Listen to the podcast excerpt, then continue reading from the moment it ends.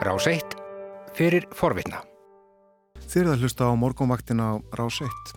Það er 50 dagur í dag 7. januar og klukkan réttilega hálf átta. Í þætti mín dag munum við fjalla um uh, atbyrðina í bandaríkjunum í gær þegar uh, hópu fólks réðist inn í þinghúsið í Washington og uh, stöðvaði þar uh, þingfund þingfund sem ætla var að staðfesta kjör Joe Bidens í ennbætti fósetta. Já, málið til uh, umfjöldunar með ýmsum þætt, hætti í uh, þættinum í dag. Við tökum uh, allan þáttin undir þetta mál. Ræðum það vítt og breytt, veltum fyrir okkur já, þetta því sem að gerðist, draugum fram það sem að vita þér og setjum þetta í sögulegt ljós allt saman og reynum líka að velta fyrir okkur hvaða áhrif þetta mun hafa á stjórnmál og þjóðlífið í bandaríkunum.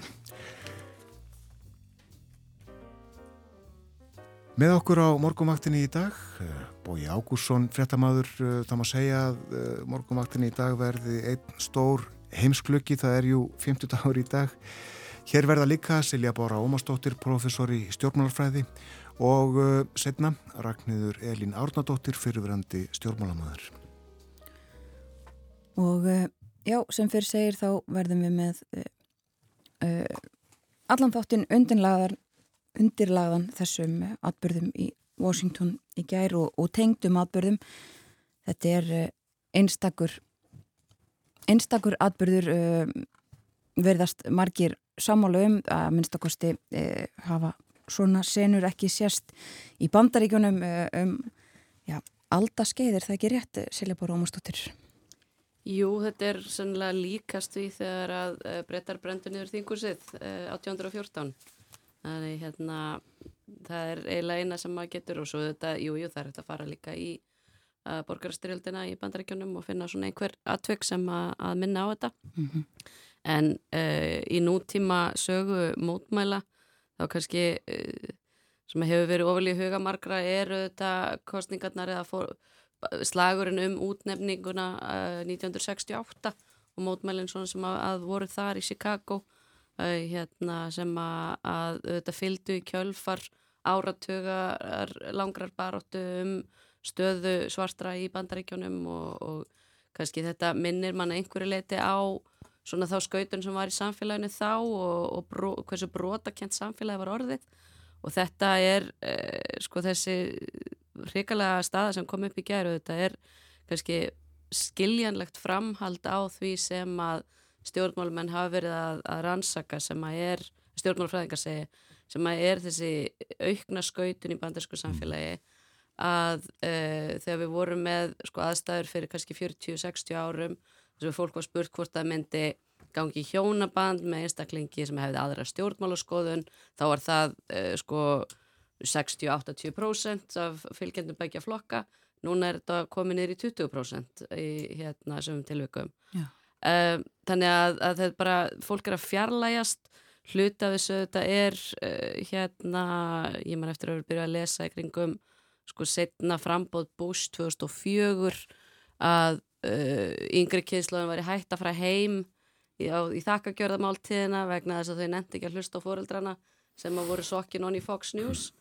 Og, hérna, og síðan þá hefur náttúrulega bara samfélagsmiðlarnir aukið þessa fjarlægða mill okkar. Við búum ekki lengur í sama upplýsingaheiminum.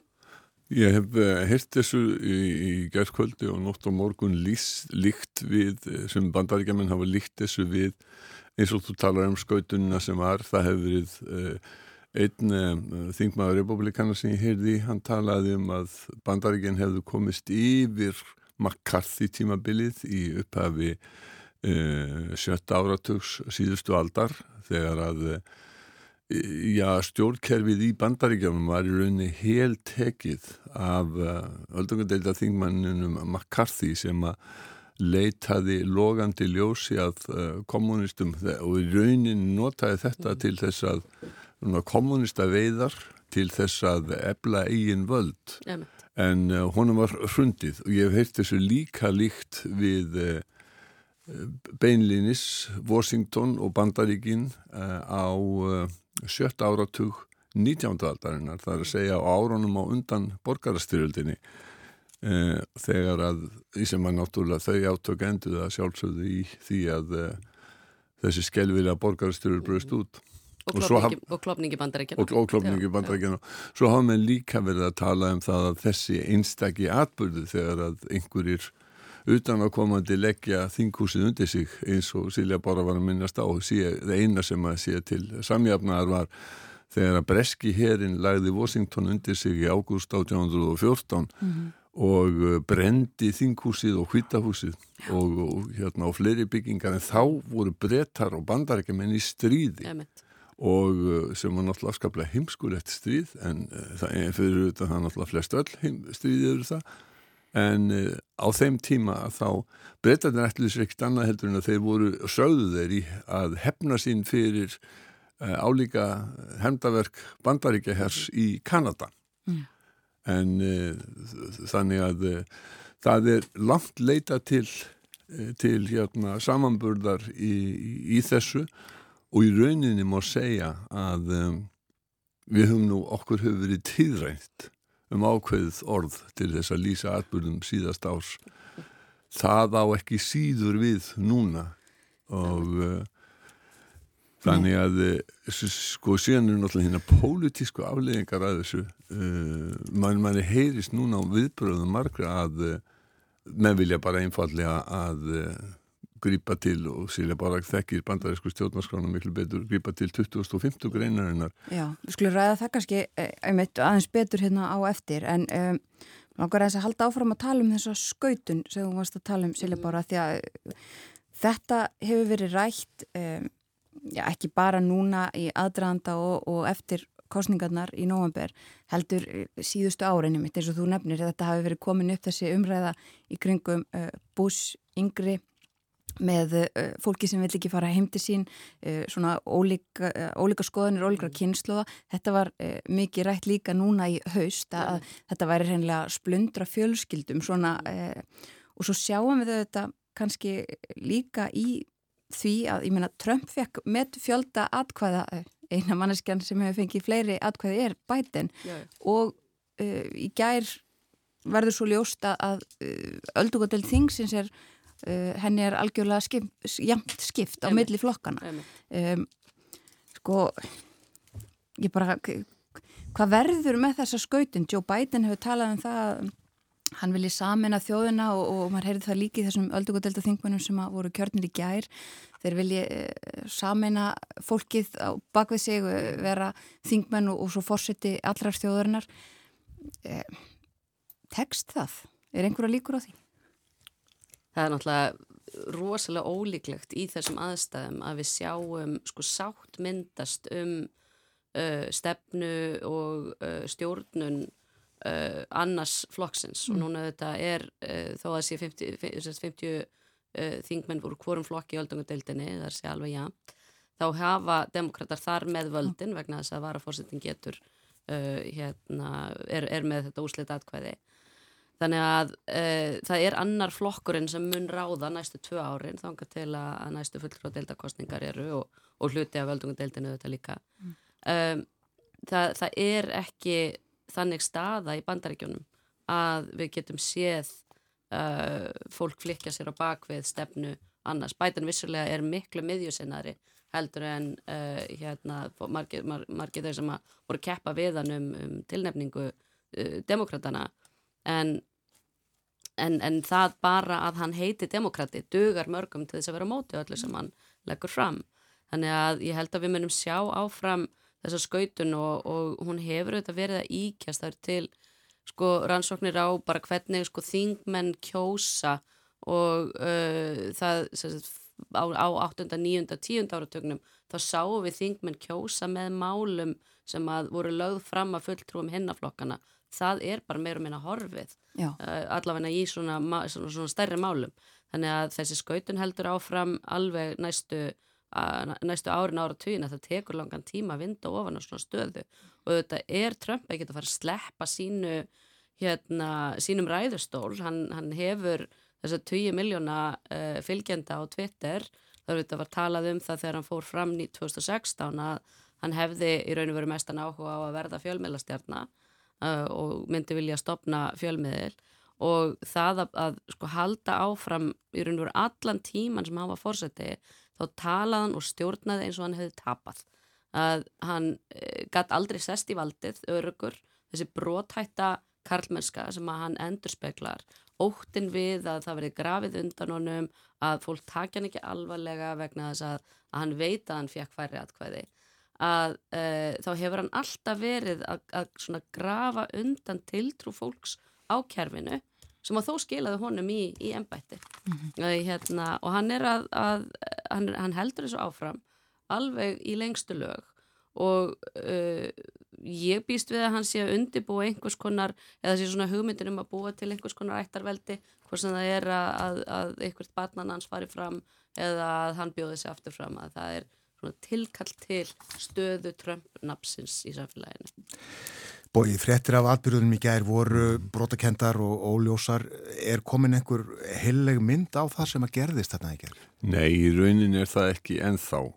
En það er þó ljóst að eh, Trump hafði bóða til þessara miklu mótmæla eh, í Washington og þegar að, eh, og síðan kom hann og áarpaði liði eins og hann gerði, hann talaði rúm á klukkutíma og hann beinlýnis hvatti þetta fólk til þess að ganga að þingúsbyggingunum uh, Capitol og uh, hann sagðist alltaf að fara að vera með, með þeim. Sumt af fólkinu sem fréttamenn voru að ræða við helt beinlýnis að hann væri meðal þeirra sem hefðu gengið frá hvítahúsinu eftir Pennsylvania Avenue uh, að þingúsinu.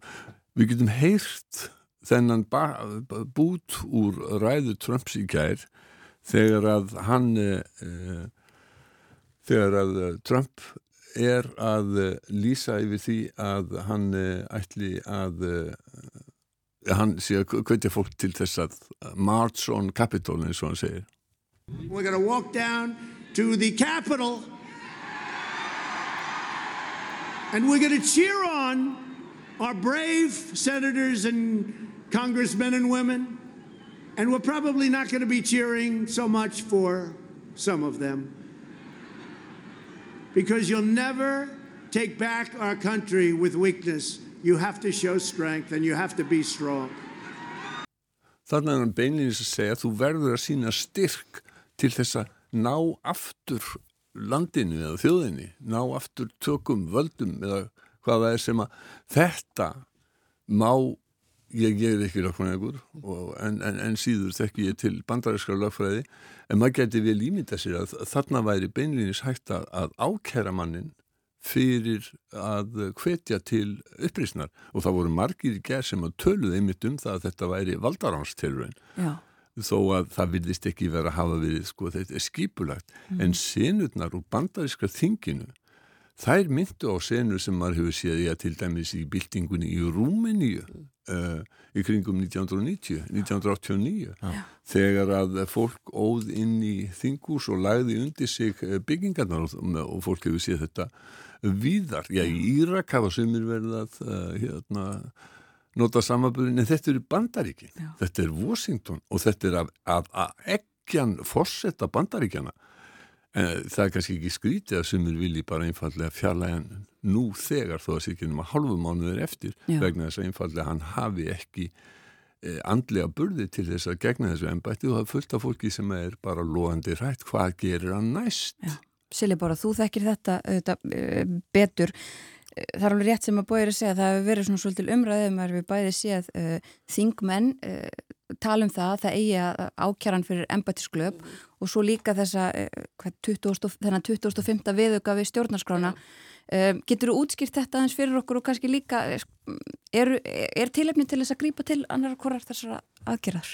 Já, þetta er uh, sko, eins og hefur gerst áður þá er ótrúlegt að fylgjast með sitjandi fórseta hvetja til mótmæla við sitjandi stjórnvöld uh, sem að í, í þessu tilviki eru bara mestuleiti hlind honum. Uh, hérna, uh, og það eitt og sér er auðvitað, og, og afleðingarnar af því í gær eru þess aðlis að það, ég tel að mjög skinsamlegt og skiljanlegt að þingfólk sé að kalla eftir því og sé að, að uh, leggja drög að, að því að fara aftur í ákjörferli, það var auðvitað gert fyrir rúm ári síðan uh, hvort sem að það myndi núna ná í gegn í öldungadeildinni, það var auðvitað eftir að hérna, uh, löfleira á eftir að, að víkja úr ennbætti og það eftir að setja inn þessar tvo þingmenn frá, frá Georgiu Uh, en það gæti sérst farið í gegn núna uh, ef það fær sérst, flíti meðferð fær forgangs hérna, fær, fær forgang í öldungadeildinni eða í, já, báðum deildum í raun og veru.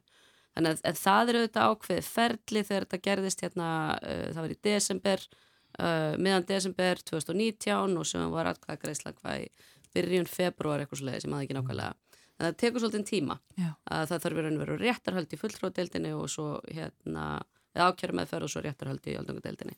Má ég aðeins benda á Silja Bóra að það var allt annar tótni Mitch McConnell leitt og republikana í þinginu í gær.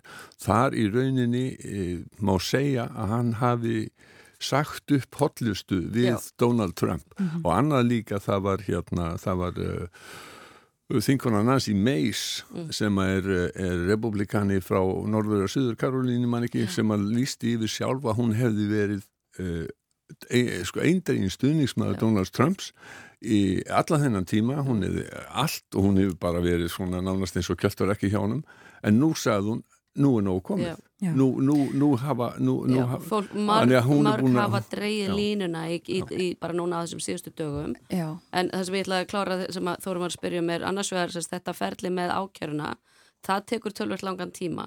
2015 viðbútar ákveði stjórnarskrárunar hins vegar, það er þegar að ríkistjórnin, varafórsetinu og meiri hlutir ríkistjórnarinnar uh, metur það sem svo að fórseti sér ekki lengur hæfur Já. til þess að gegna ennbætti og með undirritunum sínum sviftir uh, fórseta ennbætti og það gengur í gegn í raun og veru um leið og það bref er lagt fram. Mm. uh, og þá er bara er, er sko leinið þjólustinni bara falið að fjarlæga fórsetan og hvita á þessu. Og þetta er svolítið... oftar nota þegar það eru veikindi þegar að einhver uh, fórsetindi fórset er svæfður og er hann óhæfur til að gegna ennbætti þá er það gert skemmri tímabundið.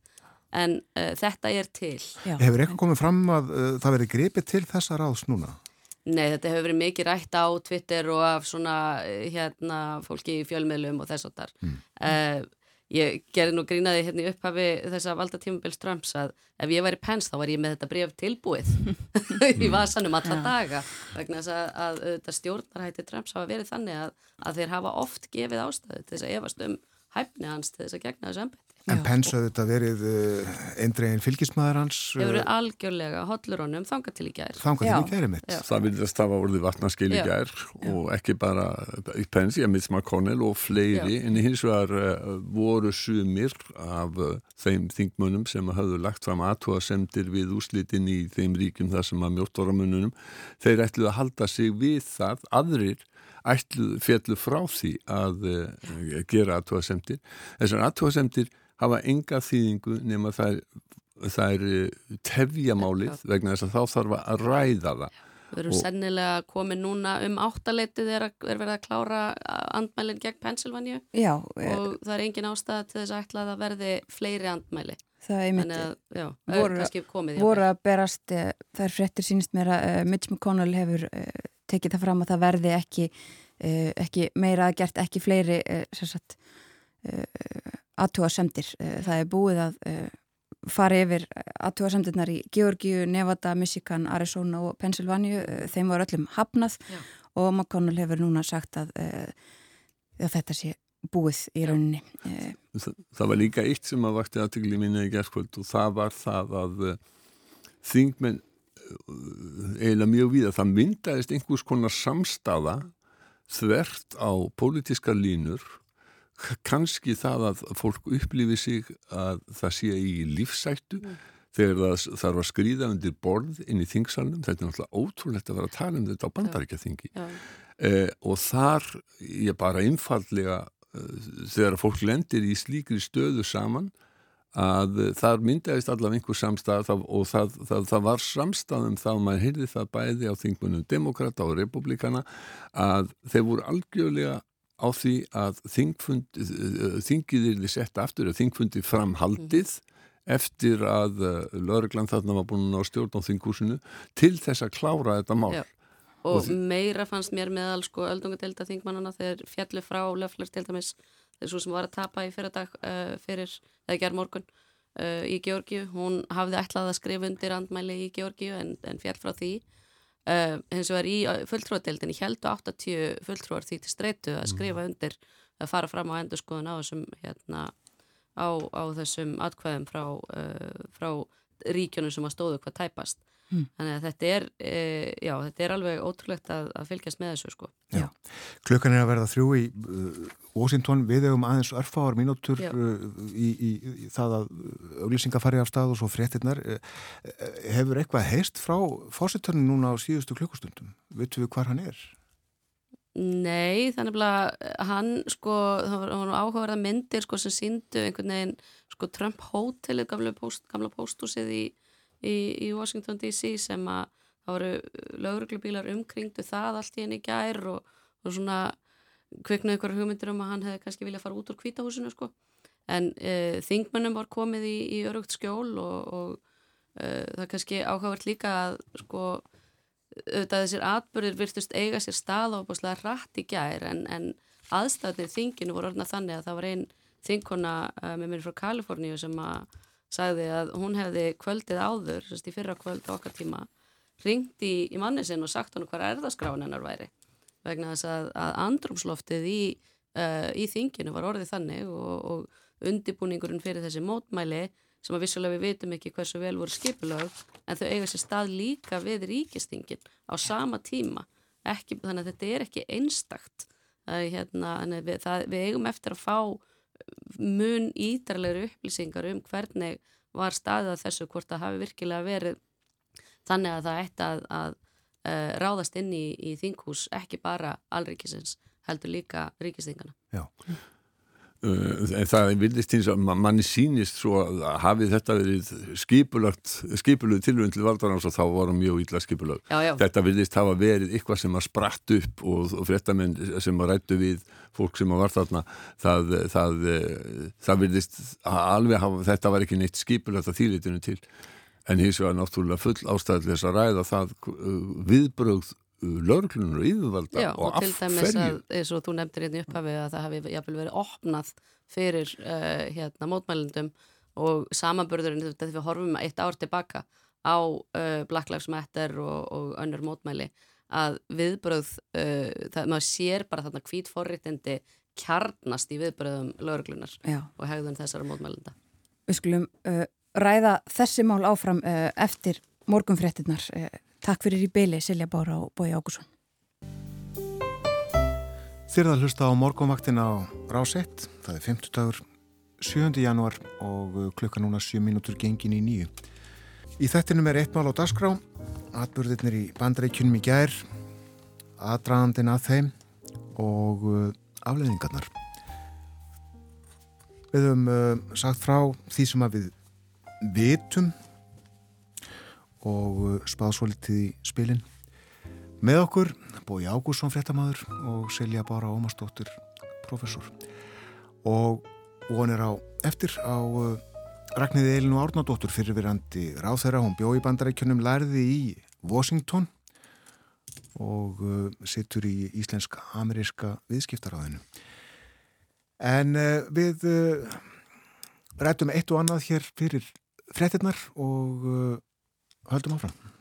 Já, um, áður en við urðum að gera hlýja á þessu til þess að hleypa auglýsingum á fréttum að þá uh, hefðum við rétt uh, nýfarið að tala um samanburðin á þessum atbyrðum í gerð á mótmálunum um, og uh, Black Lives Matter mótmálum sem að hafa uh, og voru uh, víða um bandaríkinu og víðar heiminum uh, í fyrra. Og þetta tengist auðvitað þessu sem að þú varst líka að tala um fyrr selja bara uh, um skautunina í bandarísku samfélagi. Um, en sko það voru margar myndir og margir sem að dróðu þetta svona fram uh, munin á viðbúnaðinum í uh, Washington. Hann var svolítið sláandi. Já, það er nefnilega, þú veist, þessi, þessi mótmæli voru skipulögð, þá er vitað um þau með margra vikna fyrirvara að þau myndi eiga sér stað í dag. Tengingin auðvitað við, kannski úrslitin í Georgi var óljós en, en tengingin við sko, talningu eða staðfestingu atkvæða kjörman, kjörmannana uh, hins vegar var fyrirleikandi þannig að það að það væri mögulega verið að reyna að, að grýpa inn í talninguna og, og eins og hérna uh, það byrtist mynd frá öldungadelta þingmanni uh, Oregon í gerð á Twitter sem að síndi mynd á kjörkossunum og sagði bara þingverðir gripu þessa kassa með sér. Veist, það, hefði verið hægt að eidilegja atkvæðin og þar með náttúrulega bara við fengið að senda sko, hérna, þetta ferli nokkra daga og vikur aftur á bakk um, en þetta fólk fær að, að uh, riðja sér veg og jáfnvel er, er uh, hleyft inn á meðan að sko já, kona sem var kannski ekki alveg með réttur á því veik á geða hvað, hún tók ranga beigju og, og, og, og kerði inn í hérna svona, svona grjót hérna sem eru fyrir innkeislu. Og það er öllu lokað í sko fjórar-fimm blokkir og löggan getur í, í DC brúðist það hrætt við. Um, þegar Trump vildi ganga yfir göttuna að kirkjunni þarna anspænið skvítahúsinu uh, þá var ekkert mála að riðja mótmælundum frá og kalla til þess allan þann uh, hérna alltaf herlið eða lauruglið sem að tilþurfti mm -hmm. þannig að, að uh, við sjáum bara svo mikinn mun á því sko hverjir það eru og þetta er ekki bara allrikið þetta líka þegar að uh, mótmælinn voru þarna í Michigan þegar að vopnaðir, kvítir uh, hérna mótmælendur gengu inn í þinghúsi þar og kemur síðan í ljósa það eru skipulöð uh, það er, skip, er skipulöð tilraun til þess að ræna ríkistjóranum að þá var lítið sem ekkert gert Já. á meðan að, að svartir menn eru skotnir á færi mm. og, hérna, og, og lauruglan er, er ekki ákjær fyrir það en við sjáum bara svo gríðarlegan mun á því hvernig er komið fram við fólk á grundvelli útlýtsess uh, og bara hvað lauruglan er ofbóðislega uh, tilbúin til þess að horfa fram hjá ofbeldsfullri hegðun kvítsfólks. Þannig að uh, þetta ítir undir þar þetta eru núna þá sáum við hérna, meira fylgi til, fór til demokrata úr útkverfunum, það er hefðbundið kvítfylgi hérna, en demokraterni reyða sér mjög mikið á atkvæði fólks af öðrum litarhætti sem að er frekar í borgum. Skauturinn er vissulega, hún er á milli stjórnmála uh, flokkana en hún er líka á milli þess sko hvar fólk býr það munur á, á pólitískri afstöðu fólks, afstöðu til trúar uh, svona íhaldsamari fjölskyldugilda og, og fleira eftir hvort það býr í borgum eða í, í, í strjálpili Já. þannig að hérna, þú veist að það bara bandreikin er að það, það er að, að flosna svo mikið upp úr þessari samfélagsgerð sem að, að margir hafa haldið fast í og telja að, að sé enginni bandaríkjana og er ekki tilbúið kannski til að reyfa sig með. Við sáum þetta líka þegar Obama kom inn í ennbætti að, að mörgum kvítum sem voru kannski í verkamannastjætt fannst uh, grafið undan sér ef að svartir væri farnir að komast yfir þá og þetta á sér rætur í bara mótun bandaríkjana sem samfélags að það var með því að hafa svarta þræla þá var hægt að segja við fátaka kvíta þið eru það minnst að kosti frjáls.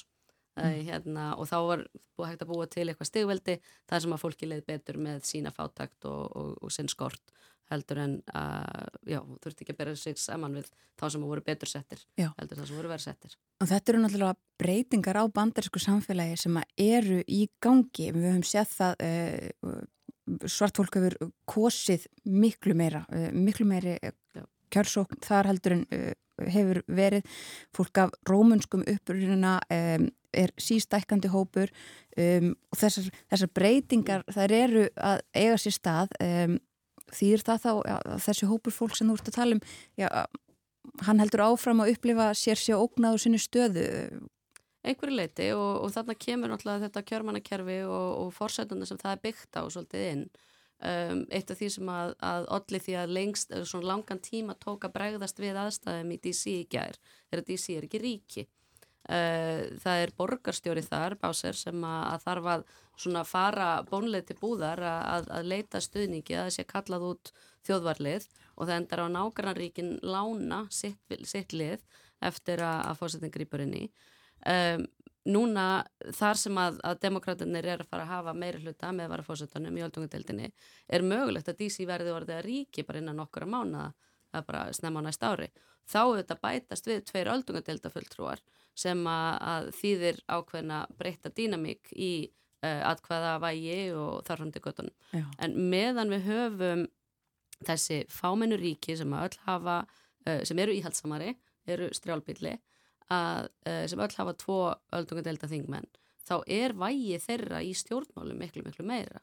Ég man ekki nákvæmlega hvað þetta er, hvort þetta eru 70% þingmann, öldungadelda þingmanna eru fulltrúar 30% mm. íbúa bandaríkjana. Það er eitthvað, mm. hlutvöldinu aukstar þar í kring. Já, það, það, er nú að tala um ríki eins og Montana, já. Norður og Suðu Dakota og, og, hérna, Idaho, já. og þetta eru ríki sem að uh, þau hafa sína tvo uh, Kalifornía með tvo Kalifornía með tvo, já, og New York og Texas og Florida eru með tvo, tvo öldungadeilda þingum hvert en eins og Silja bara bendir réttilega á að ef að, að höfuborgin verður gerða ríki að þá munu þar bætast við tveir aldungadeilda þingminn og þeir verða eins og staðinni núna og eins og langt og síðan verður þá verða þeir báðir demokrater vegna þess að, að ég held að eh, fósitinn hafi fengið cirka, já hann, fengið, hann fekk inn af 10% atkvæða í höfuborginni mm. það er annað líka varðandi eh, öryggið í borginni og þetta er að hárið sem að Silja Bóra bendir á og það var tekið sérstaklega sem dæmi um það hvernig var brúðist við mótmælum uh, í fyrra Black Lives Matter með, með miklu offorsi í höfuborginni en í gær var, var ekki gert neitt. En það er sko hvernig löggjæslu er háttað í borginni því að það er sérstök lögregla sem að gætir öryggis þingsins, ég held að síðan á 3000 manns, 2500 manns sem er í þeirri lögreglu, Capital Police kallaði það. Í borginni sjálfurinn er það síðan Metropolitan Police. Og svo eru allar þessar allriki stopnanir sem að eru öryggis eða, eða löggæslu stopnanir það er meiri síðan Bureau of hvað er það, alkohól uh, og tobacco og firearms sem að og svo er það FBI uh, og svo uh, en auðvitað er það sko hinn almenna lögregla, Metropolitan Police sem á að sjá um, um, um svona hinn almennu löggæslu í borginni sko borgarstjórin hafði farið fram á það að þjóðvarliðið yrði uh, til taks mm -hmm. en þjóðvarliðið ef ég hef skilið þetta rétt er undir stjórn hinn ríkjana, þetta, þetta er ekki þjóðvarlið bandaríkjana, þetta er þjóðvarlið hversu ríkis fyrir sig. Og, og þjóðvalið það var kallað allt eh, sko, frá, frá Maryland mm -hmm. uh, og frá uh, Virginíu sem er þarna fyrir sunnan. Og, og það voru meiri sér einhverju lögjastlu menn sem komu frá, frá New Jersey. Þannig að uh, það var kallað víða til. Mm -hmm. en það sem er óskiljanlegt er það eins og Silja bara var í að af hverju var ekki búist við því að þetta gæti farið úr böndunum.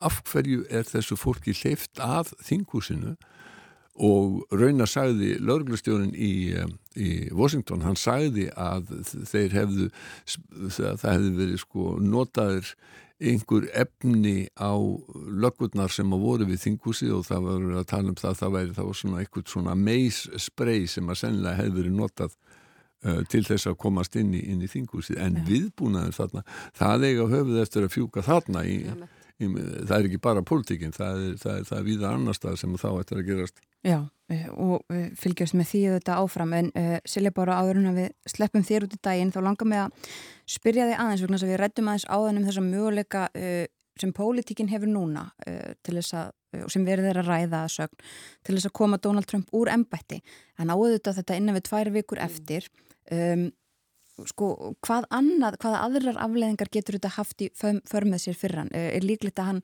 verði ákjærður eh, eftir að uh, hann fyrir úr ennbætti? Já, það eru þetta, sko, fórsetin hefur þessi frekar umfangsmikla heimil til að náða fólk og hann hefur talað um það að hann vilji náða sjálfan sig og fyrir óskilgrind brot og þarfum til göttunum. Uh, hans vald nær engöngu til alríkisbrota þannig að uh, þrátt fyrir að, að hann gæti mögulega búið til einhverja svona uh, já, uh, óljósa náðun þá er saksóknari í New York tilbúin til þess að halda áfram með rannsóknir á ýmsum skattalega brotum sem að, að fóru í frost mm -hmm. þegar hann tók við ennbætti. Um, pólitísku afleðingarnar eru í sjálfu sér ekki, þú veist, geti í raun og veru ekki orðið mikið aðrar. Það er ekkert að fara í gegn, McConnell er búin að gefa þá út að, að eftir daginn í dag, bara um leið og atkvæðagreðslu líkur, þá með öldungadelta fullur að fara heim og koma bara þarna kvöldi 19. þegar að, að 20. er, er einstningaratöfnin þannig að það verður ekkert meira sett af lögum á valdatíma Trumps hann getur auðvitað haldið áfram að, að gefa út fórsetatilskipanir þanga til hann fer úr ennbætti 1159, 2020.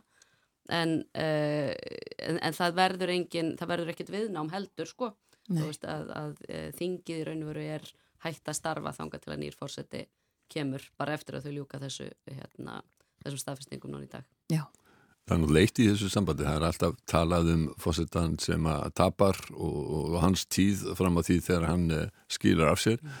að þá sé að hann sko lömuð önd, leimt dökk uh, en þeir fósettavaldið er samt sem á róskorað en manni virðist á ímsu og við erum náttúrulega kannski mjög stutt frá þessum atbyrðum sem að allt móralst autoritet Donald Trumps sé horfið. Mm. Fjöldin allur af, af hans stuðningsmönnum hefur sagt upp hátlustu við hann.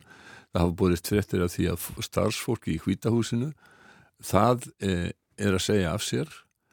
Uh, Mike Pence hlíti honum ekki í gær en það máttaði ekki og gattaði ekki en einhver síður kallaði Trumpan bleiðu, húleysingja og ymingja uh, og uh, Svo er annað líka sem við með ekki talað um og það er, það er hér í, í Guardian núna að um, Twitter og Facebook uh, eru búin að loka á fósettan og það er náttúrulega þá er, þá, þá, þá er aðferð leið hans mm.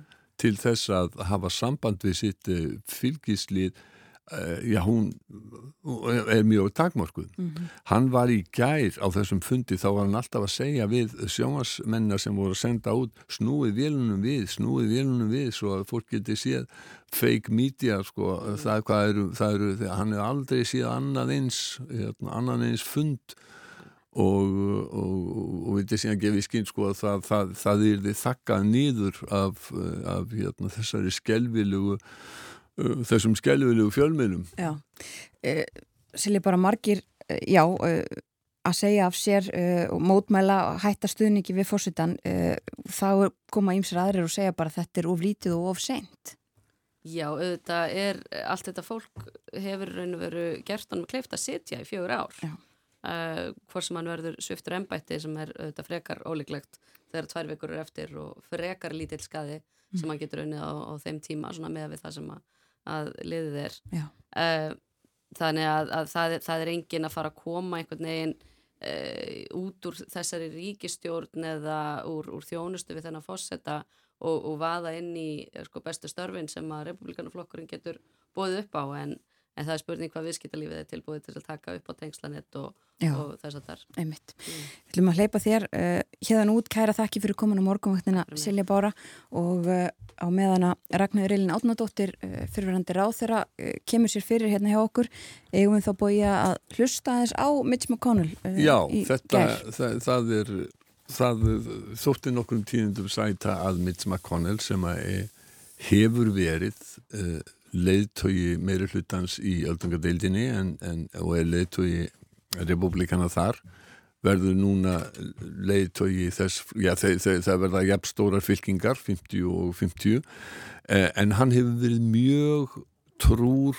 fylgismadur uh, Donald, Donald Trumps. Hann hefur uh, staðið mjög þjætt uh, að baki honum. Hann var maðurinn sem var í fylkingabrjósti þegar að fórsetin var að reyna að verjast uh, málsókninni í, í impeachment þegar það var verið að, að reyna að koma honum frá ennbætti uh, og hann hefur verið svona, já það hefur afska, verið afskaplega kert með þeim tveimur.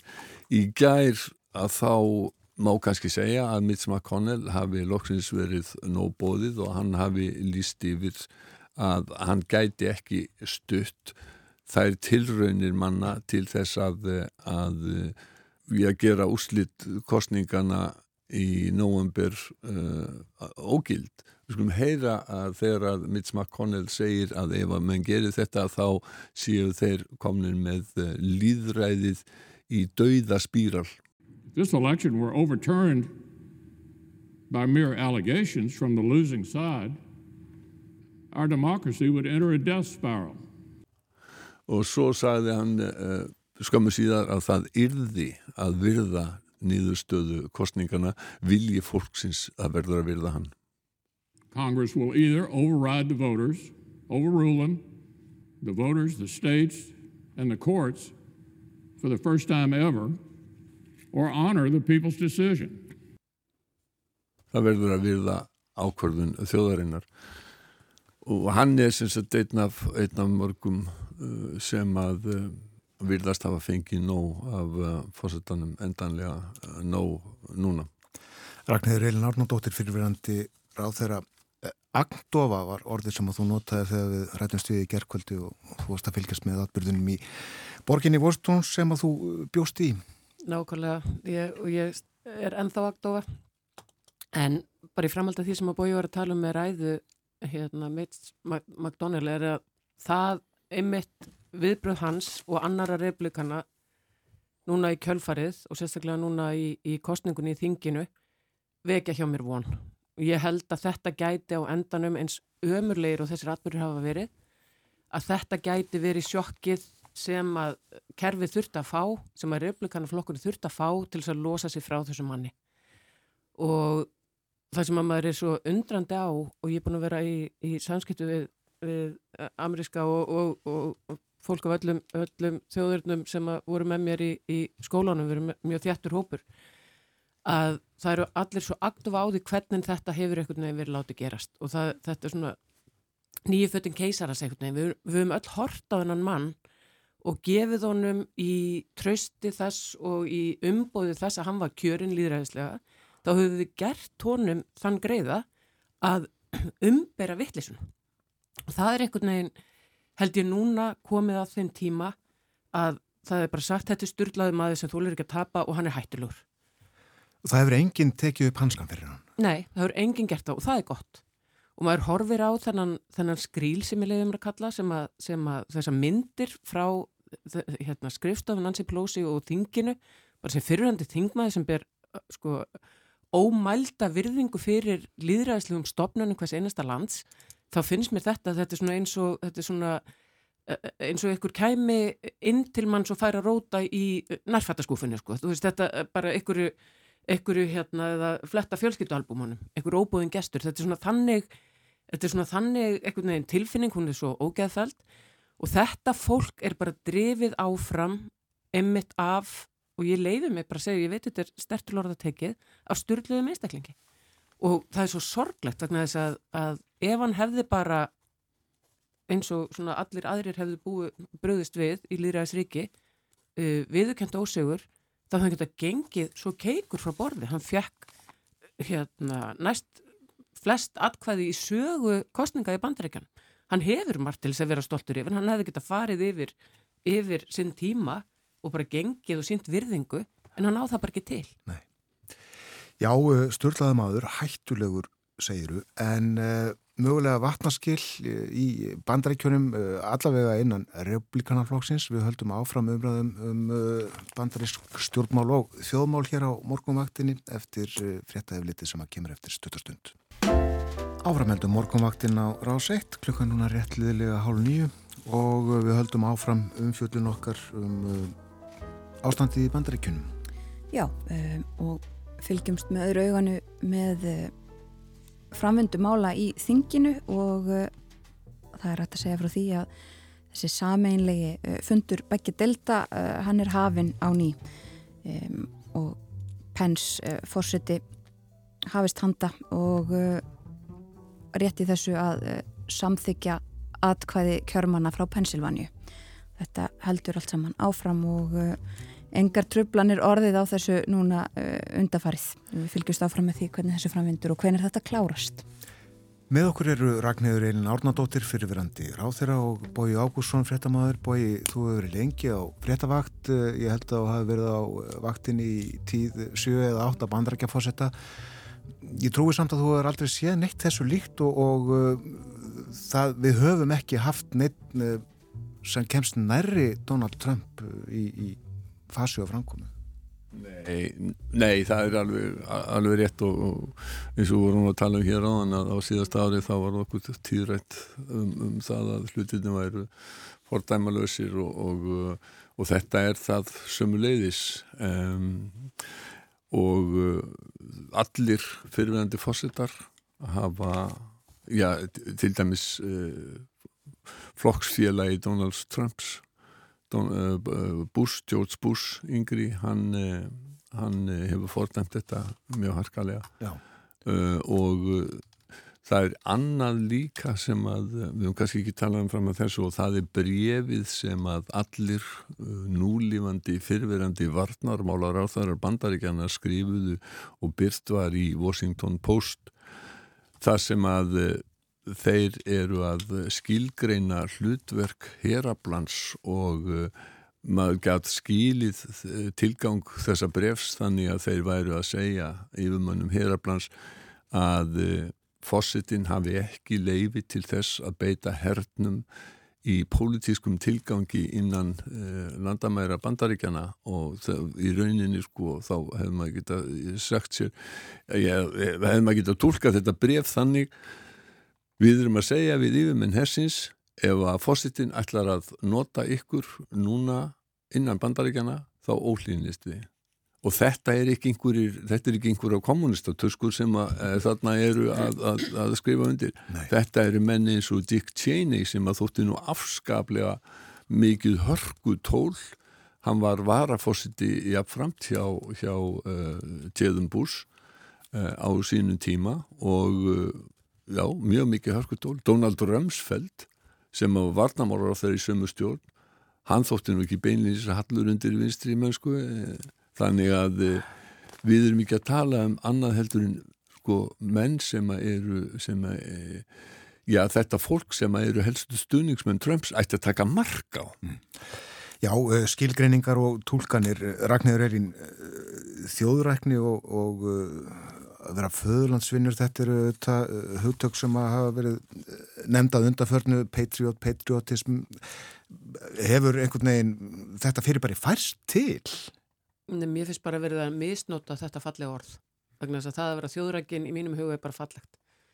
Og þegar maður sá maður ræða, hérna, þetta er undir fréttaðifilitinu þegar maður sá fréttir í aðdraganda þessa af af aðsúi sem var, gerður af myndum Patriots, svo ég fá að nota það orð uh, að, að fyrirvöndi fórsetta frambjóðanda Mitt Romney um, á flúvelli og, og, og, og í flúvel þá er, þá er bara gerður aðsúur af honum og hann kallaður öllum millunum af þessu fólki og mér finnst þetta bara að vera eins og ég segi misnótkun á, á fallegu orði og ég tek undir með, með boga varðandi þetta bref, þetta er mjög merkilegt. En mér finnst það og ég er að reyna svo innilega að sjá eitthvað, eitthvað von í öllum þessum ömulega atbyrðum og ég held, vegna sem ég þekki of marga góða heiðarlega uh, hérna bara uh, frábæra replikana og hef sótt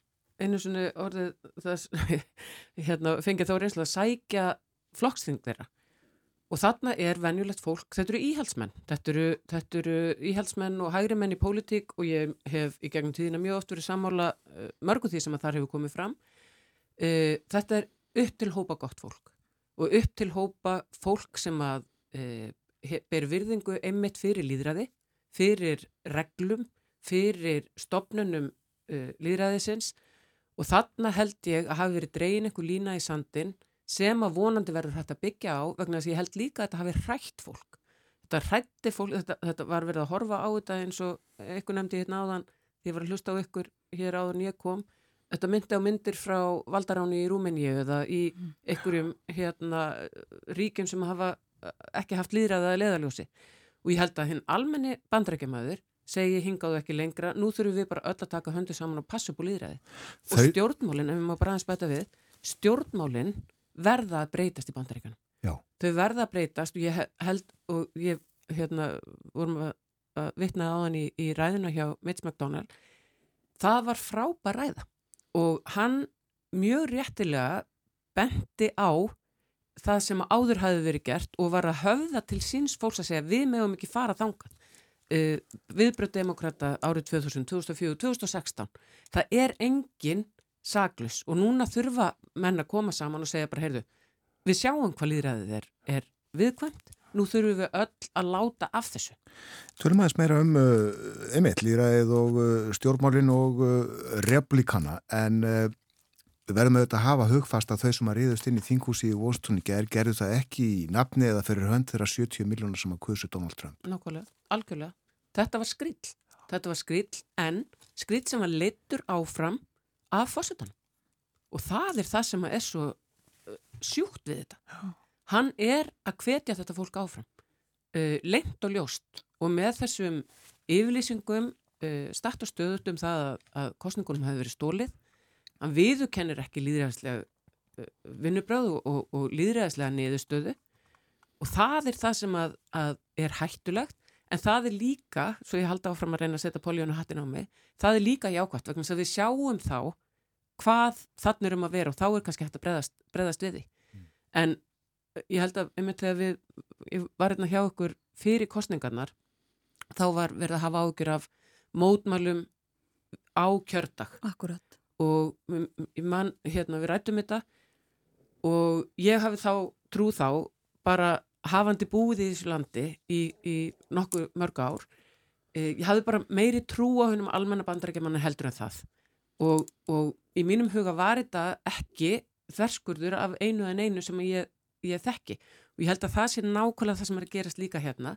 Annars væri fólk úr útkverfum uh, hérna, ná, uh, hérna nágranna sveitafélögum Washington komið út á götu að taka þátt í þessu. Það er engin og það er ekki bara út á útgöngumanni og ég var að ræða við, við vinnum minni í gær og það er bara, við vorum að fá SMS um að okkur er bannað að fara út við erum í Washington DC hvað er að gerast? Mm.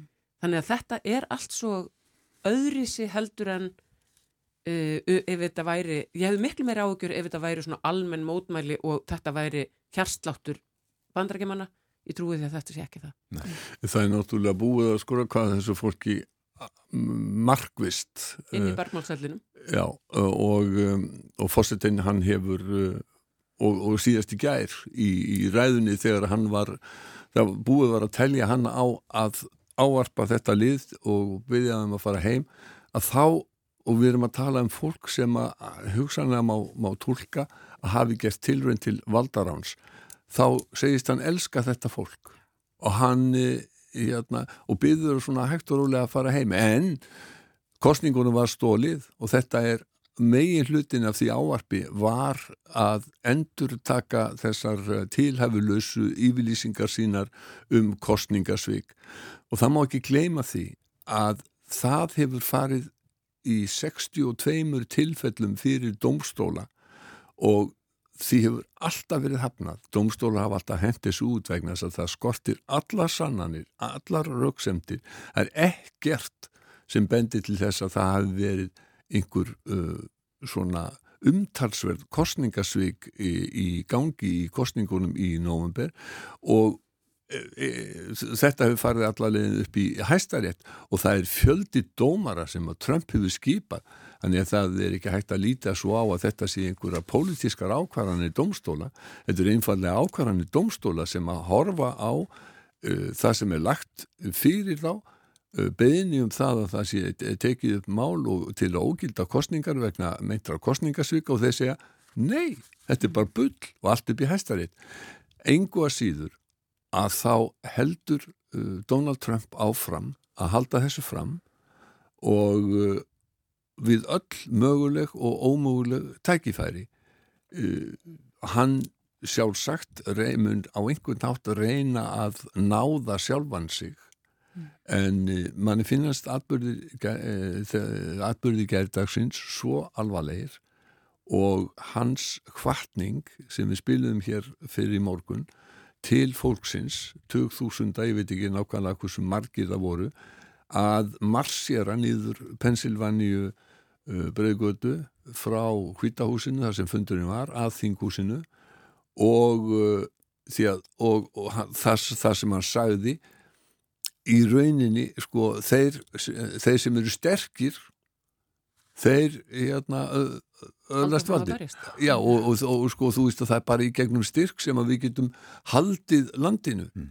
þannig að þetta e, ég ætla að sagði þá og segja en ég er ekki lögfræðingur en ég held að það veri mjög öðvöld að tólka þetta sem hvartningu til valdarás Þetta klippir líka vonandi á fylgi og svona stemminguna fyrir Trump á næstu árum sem að ég var farin að hafa þetta allar ágraf að ég held og ítrykkaði sem ég var að segja á þann að þetta sé bara konin sem fyllt í mælin flokkurinn getur ekki látið eins og ekkert sé og haldið áfram að stiðja þennan mann. Ég held að hann hafi grafið svona eigin pólitísku gröfi gær. Það. Þannig að það verði ekki, að því að það hefur um mitt verið svolítil umræða um það uh, núna undarfarið að aðeimitt sko hvaða republikanaflokkurinn gerir í kjálfarið verður þetta áfram uh, Trump republikanaflokkurinn eða verður aftur veginn, skipinu snúið í aðra átt en þannig að þú hefur, hefur trúið því að þannig verði það Ég vona það og það, hvernig hérna, þingi er að bregðast við núna, nýkjöru þing er að bregðast við núna varðandi uh, atkvæðagreisluna þeir heldu ekki áfram en það maður setur sér í þessi spór þessa, þessa, þessa fólks, það hefur komið þarna inn alveg bara tilbúið að við skulum vera ég verið í stjórnaranstöðu, við skulum vera með vesen og, og hérna láta þá finna fyrir þessu. En hérna svo gerist þetta, þá verður þetta bara svo hjákállegt Já, ég ætla að fá að skjóta því eina að uh, þessu er lokið í þinginu uh, það er búið að staðfesta uh, kjör bæten sem fórseta bandaríkina Lýðræðið á endanum virkar og það er það sem er, er kannski það það dásamlegast að við þetta, stopnarnirnar, e, virðingfóls þvert á línur eins og, eins og brefi frá, frá e, varnamálar áþurónu fyrirvægandi, öllum. Það er það sem að, að hérna, á að vera svona upprisan í þessu, þessu ömulega mála alls saman. Við vitum ekki hvernig Trumpum bregðast við þessum ný, nýjustu tíðindum út þinginu bóið. Þú sagði frá því hér áðan að það er búið að loka á aðgangans að heiminum bara, má segja það. Já, samkvæmt uh, því sem að frett sem er í, ég sá í Guardian að þá, þá eru Twitter og Facebook uh, búin að loka á hann mm -hmm. og uh, þannig að hann þessi uppáhaldsaðferð hans að ná sambandi við stuðningsfólk sitt Twitter, hún er honum loku núna og ef að ég mann rétt síðast þegar ég kíkta á þetta þá var hann með held ég 88 miljónir fylgjenda á Twitter. Og þetta er um, svo aðferð sem hann hefur notað til þess að æsa upp þetta fólk. Fyrir utan það eins og þegar hann er með fundi eins og í gær þar sem hann talar bynd til uh, þessa liðs. Og, og uh, ekki það að auðvita á hann er ekki búið að þakka nýður í fórsetta bandaríkjana uh, með þessu en samfélagsmiðlarnir hafa að þessu sinni vildist vera fengið nóg. Þeir eru núna um hríð búinir að vera með viðvaranir sem að fylgja hans fæslum um það að yfirlýsingarnar um kostningarsvindl séu ósannaðar og flestir miðlar í rauninni hafa fyrir löngu bara sagt að fósittin heldur þessu fram þvert á staðreindir og í rauninni hafa sagt bara í, í sínum frettatímum fósittin lígur mm.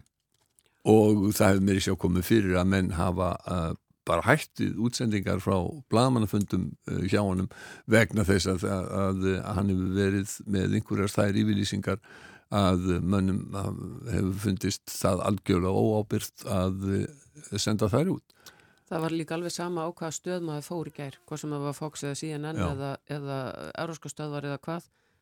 Fréttaflutningunum var allir og eitt veg. Já. Það var enginn, enginn sem var eitthvað að reyna að tólka þetta honum í hag. Nei, ég held að þetta sé rétt hjá Ragnarurinn að það, það, það, það gætu að hafa orðið ákveðin vatnaskil þarna og kannski er við bæði í políunum deildinni með það að, að, að um, sjá það að, að vondir atbyrði geti haft góðar afleiðingar í þessu tilfelli að þá til dæmis var ég að horfa á Newsnight á BBC í gerð þar voru þeir með viðtal við uh, konu sem hafiði verið Uh, kostningastjóri hjá Ted Cruz þegar hann var að reyna að uh, verða fórsetta frambjóðandi republikana. Ted Cruz var nú raunar einn af þeim sem að fóru fyrir því, já var eiginlega fórustumæður í því líði sem að reyndi að, að, að spilla uh, kostningunum og með því að, að reyna að láta þingið ógildaðir og hefur nú beðið ósigur. Uh, en uh, svo kona hún, hún, hún tók einmitt undir þetta. Hún sagði að, og hún, hún var ekki samála Ted Cruz, þau eru hægt að vinna saman núna, hún var ekki samála Ted Cruz um það sem hann var að reyna að gera í þinginu í undanfatna daga. En hún einmitt lísti yfir þeirri vona að núna myndu menn slíðra sverðin og eða allavega ef þið væri með sverðin á lofti að þá væri það til varnar líðræðinu en ekki til þess að vega hver annan. Hér hefur mörgu verið varpað upp uh, ekki fengið svar við öllu, ekki næri öllu, það eru þetta miðnótt ennþá í bandaríkunum og uh, margt mun uh, skýrast eftir því líðatekur á daginn þar er vestra, ekki það kannski að það skipti algjörlega öllu máli, það er ekki nokkuð maður sofandi í bandaríkunum sem að, sem að kemur að málu með einhverjum hætti. En aðeins am Trump Ragnhjóður Eilin, hún var auðvitað tekið opnum örmum í republikanafloknum þegar hann sótist eftir tilnefningunni 2016 er sá Trump sem við þekkjum í dag allt annað maður en, en, en kom fram þá? Ég held að hann sé allt sem við óttuðumst og rúmlega það, ég held að enginn geti þetta svona að reyna að spá fyrir um eitthvað sem er svo styrlað um ég veit ekki hvort það sé rétt honum hafi verið tekið opnum örmum. Ég held að það hafi fyrstulega enginn tekið hann alvarlega fyrst og þetta var svona, jú, fint, þarna kemur ykkur svona út úr þessari pólitísku kreðsu og, og svona kemur með nýtt sjónarhorn og menn svona, já, alltaf að kjósa hann bara, þú veist, þetta er bara ykkur leikur. Um, en svo var bara leikurinn að rosa alvöru og sko, ef, ef maður ætlar að vera alveg sangjart þá er þá hafði held ég kerfið innan, inn í Washington gott að því að fá smá svona nýjasta orðið mitt er hérna, hérna disruption, ég heyrði þýðinguna tæknitrubl sem er mjög vist alveg dásamlegt orð. En það var svona doldið þannig hérna sjokk sem að kerfi fjekk það er svona, eins og, sletta eins og aftur á einsku, inside the beltway mentality. Það eru allir rosalega. Hérna, flinkir í pólitísku kerfi sem að búa innan þessa, þessa radjus. Hann kemur hægt með eitthvað allt annað og það, ég held að kerfi hafi haft gott af því en svo fór hann bara allt og langt. Eh, hvort hann sé annar maður, ég held bara að, að hans tilfelli hefur valdið ekki gert honum gott. Eh, ég held, sammála Siljibáru að hann einhvern veginn var alltaf að, hann trúði ekki hann hefði það og var alltaf einhvern veginn að sína fram á þetta er svona litli krakkin út á leikvallinu og sagði pabbi minni er sterkar en pabbi þinn sko. og hérna hafa, þurfa nokkuð að, að hérna, útskýra það frekar. Og mér finnst bara, ég vona bara við séum við erum náttúrulega alls ekki laus við hann. Hann mun koma eitthvað stöðar hann, hann minni mig á karakterinn svo ég verði nú algjörlega óbyrgirna, hann minni mig á Dr. Evil karakterin í Austin Powers. Hann, hann er einhvern veginn þannig og hann kemur alltaf einhvern veginn aftur en jafn misefnaður og alltaf. Og vonandi fær hann aldrei aftur tækifæri til þess að, að fara með vald vegna þess að hann getur það ekki og ég vona að, að flokkurinn hans læri, læri að þessu. Ég var nú svo líka komaði að, að ég sá það að nýkjörin þingmaður frá Georgi Ossoff, mm. hann var sko í Georgetown School of Foreign Service eins og ég þannig að ég, ég byr mikla, mikla vendinga til hans og svo hafði ég líka fréttir að því að við innsetningu bætans þá mun uh, fyrirverandi fósetti deildarinn að minnar uh, Leo O'Donovan prestur, ég svo þetta prestur eins og margir í, í stofnöndum og, og starfsmönu þess góða skóla, hann mun flytja bænina. Og hann er góðu vinnur okkar Þannig að þetta er allt saman að færast og betri við tjóðstofnir að taka yfir. Mm. Menn hafa líka uh, talandi um þetta á John Ossoff og, og, og, hérna, og þetta kjör uh, öldungadeilda þingmanna í, uh, í Georgíum í gær að Ossoff saði sjálfur að þetta síndi að bandaringin væri að breytast, Suðuríkin væri að breytast, hann væri uh, kornungur 33 ára gýðingur og uh, hinn aldungadeilta þingmaðurinn er svartur prestur uh, og raunar að einugis annar uh, blokkumæðurinn sem að verður aldungadeilta þingmaður fyrir uh, eitt af Suðuríkjónum og hann er predikar í þeirri kirkju sem að Martha Luther King var prestur í á sínum tíma Þannig að Ossoff tók þetta sem dæmi um það að, að bandaríkinn væri að breytast og það má svo sannsvegar að færa að uh, það hefur ekki verið demokrati sem hefur eldur leitað þingmaður frá Georgi í tæp 20 ár. Og núna á síðastu tveimur árum að það hafa tvö ríki sem að uh, voru svona mjög, uh, getum við sagt, trú rauð, það er að segja trú republikanafloknum, þau hafa fæst yfir og það eru sérstaklega Georgia núna og, og Arizona uh, en, uh, en í Georgíu er hins vegar sko, þar er kerfið eila allt uh, republikana megin það er ríkistjórin, innaríkisráþurann og, og þingið í, í Georgi, það er allt, en það stóðst þetta próf mm -hmm. þegar að, þegar að sko, fórstitinn syngdi í þetta makalvisa simtal sem að hugsanlega lögbrót. Og merkja að það skulle hafa verið tekið upp Já. af samflagsmannans og byrt. Þa, það er líka Já. sem að Póljónu líkar. Já, já og síðan kannski á fullt af öðrum slíkum hlutum eftir að koma í ljós ja. á næstunni. Það er þegar að Trump verður færin frá þá er ég smeykur um að það er eftir að þá, þá verður, þá verður sko, fjarlæður steitn og það verður mjög gaman að sjá hvaða, hvaða íðandi maðka líf er þar undir. Það á öruglega mikið eftir að koma í ljós. Hér sitja Bói Ágússon og Ragnæður Eilin Árnardóttir. Eh, þættinu fer að ljúka fá einar mínútur eftir. Mér langar eh, að nota þær til þess að eh, heyra áliteikar á framistöðu Joe Spidens í gær. Hann áarpaði jú bandarísku þjóðina. Mér fannst hann koma vel út úr þessu. Um, mér fannst hann einlagur. Hann var eins og við öll agdofa og sorgmætur. Um, hann er með sömu línuna. Hann er að hvetja til samstöðu hann er að hvetja til, til að, að þjóðin saminist um, um verkefnið. Og kannski svona í framhald af því sem ég var að segja á þann þá held ég að, og vona hann fari með það líka inn í sinn flokk og hveti að því að nú er, nú er svo staða upp að demokrataflokkurinn hefur, hefur alla valdaþræði á sinni hendi og það getur líka verið hættulegt. Þannig að, að þar er tækifæri fyrir Joe Biden að sína að hann meini það sem hann hefur farið fram með í, í kostningunum og, og núna síðan hann var, var gjörinn að samina þjóðuna og hann hefur, hann hefur stert tæki og, og mikil tækifær til að gera það akkurat núna.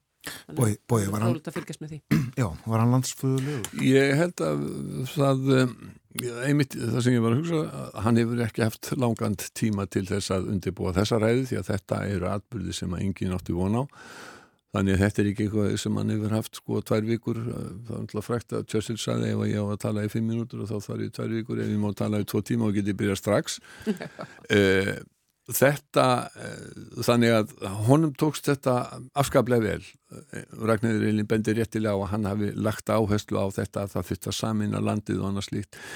Við skulum vona að honum takist sko, hann eh, takist vel upp í þeirri baráttu vegna þess að bandaríkjaman eiga við annan fjanda að glíma á núna og það er, það er uh, farsóttin vegna þess að í gær þá uh, dóu fleiri í bandaríkjum en nokkur annan dag og þetta hefur eiginlega alveg horfið í skuggan. Svona sláði botninni morgunvaktinni í dag. Kæra þakki fyrir komuna Ragnhildur Eilin Árnádóttir. Bói Ágúrsson var með okkur hér eiginlega allan þáttinn og uh, fyrir morgun var hér líka Silja Bára Ómarsdóttir. Þú varst að hlusta á hlaðvarpsþátt frá Rás 1. Ef þið langar til að heyra meira, farðu þá á rúf.is skástrygg hlaðvarp eða spilaran á rúf.is skástrygg útvarp. Rás 1 fyrir forvitna.